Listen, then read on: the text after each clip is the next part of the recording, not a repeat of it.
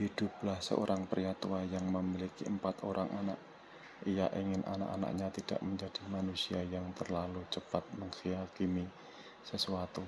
Untuk itu, ia mengirimkan mereka untuk melihat pohon pir yang berada di jauh dari rumah mereka. Masing-masing anak diminta pergi di musim yang berbeda, yaitu musim dingin, semi, panas, dan gugur. Saat keempatnya kembali, sang ayah bertanya tentang apa yang mereka lihat. Anak pertama mengatakan, pohon itu terlihat jelek, gundul, dan bengkok, terkena angin. Sebaliknya anak kedua mengatakan, pohon itu penuh tunas dan terlihat menjanjikan. Lalu anak ketiga mengatakan, kalau pohon tersebut dipenuhi bunga-bunga yang wangi. Terakhir anak keempat mengatakan, kalau si pohon memiliki banyak buah yang telah terlihat nikmat.